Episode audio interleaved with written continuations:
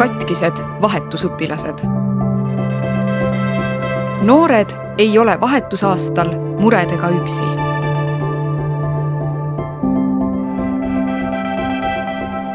vahetusorganisatsioonide sõnul tekitab õpilastes enim muret kohanemine perega ja sõprade leidmine. enamasti suudetakse probleemid lahendada, katkestamine on erandlik üks peamisi vaimse tervise probleemide allikaid on kehv läbisaamine vahetusperega. kuigi pere ja õpilaste sobitamisel lähtutakse ühistest huvidest ja hobidest, võib koos elades tekkida erimeelsusi. vahetusprogrammi IFU tegevjuht Kadri Eensalu ütleb, et enamasti tekivad mured seetõttu, et üksteisest räägitakse mööda või saadakse valesti aru, mis võib tekkida ka keelebarjääri tõttu. Kõige tähtsam on see, et enamik õpilasi ja perekondi on võimelised kohanema isegi siis, kui kõik nende ootused ja eelistused ei saa täidetud ning kuidas nad oskavad võtta sellest aastast viimast ning saavad siiski suurepärase kogemuse, sõnab noori välismaale õppima vahendava Flex programmi koordinaator Grete Lepik. nii Eensalu kui Lepik keeldusid kommenteerimast levil avaldatud kuue noore kogemusi, sest tegu on isikuandmetega kui kooslus ikkagi ei toimi ja perevahetus tundub kõige mõistlikuma lahendusena, hakkab igale õpilasele määratud kohapealne inimene ehk tugiisik uut peret otsima. uus pere proovitakse leida samasse piirkonda, et õpilane ei peaks kooli vahetama. perevahetus võib olla vajalik ka näiteks siis, kui pere kolib, sissetulek väheneb või juhtub midagi isiklikku, mis raskendab vahetuspereks jäämist. Lepik nendib, et perevahetus on siiski harv. sõprade leidmine. teine suurem põhjus, miks vahetusõpilastel vaimse tervise mured tekivad, on raskus sõprade leidmisega. õpilased veedavad küll enamiku ajast koolis, kuid võib juhtuda, et tundides on erinevad klassikaaslased või on vahetunnid nii lühikesed, et pole aega sotsialiseeruda organisatsioonid soovitavad õpilastel olla avatud ja proovida üha uuesti ja uuesti, kui suhtlus mõne kohalikuga takerdub. sõprade leidmiseks jagatakse nippe ka ettevalmistavatel kursustel. seal rõhutatakse muuhulgas kohaliku keele õppimise vajalikkust, et paremini kogukonda sulanduda. sõpru leiab ka õppeväliste tegevuste kaudu, näiteks sporditrennidest või näiteringidest. kui koolis selliseid pole tasub liituda mõne huviringiga väljaspool kooli. peamine on see, et vahetusõpilane oleks julge, astuks oma mugavustsoonist välja ja alustaks ise teistega vestlust. kõigiga ei peagi kohe tekkima südamesõprus, aga mida rohkematega suhelda, seda suurem on tõenäosus, et kuskilt see hea ja õige sõprus alguse saab, lausub Eensalu kohapealsed tugisüsteemid. peresid valides kontrollivad programmid nende tausta ametlikest registritest ja neile on kehtestatud terve rida nõudeid.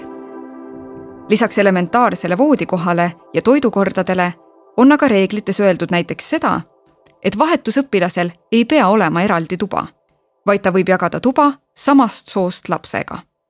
pere peab suutma õpilast ka ülal pidada küll aga ei nõuta pangaväljavõtet ega seda, et õpilane peaks saama aasta jooksul riigis reisida. vahetusõpilase võõrustamise eest raha ei maksta. oma muresid soovitatakse õpilastel jagada esmalt just vahetusperega.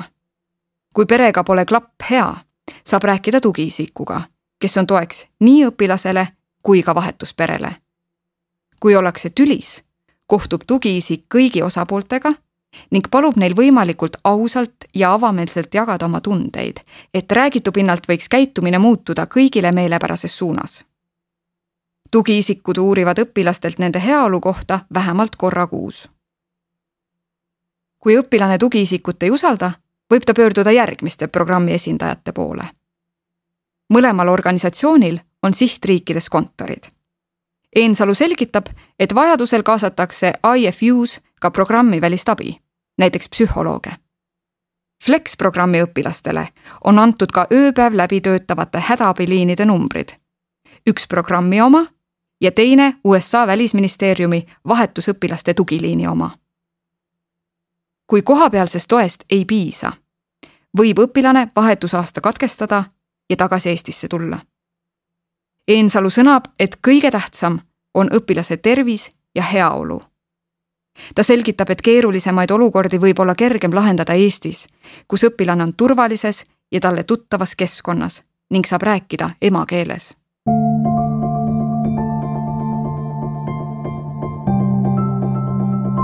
noori valmistatakse ette.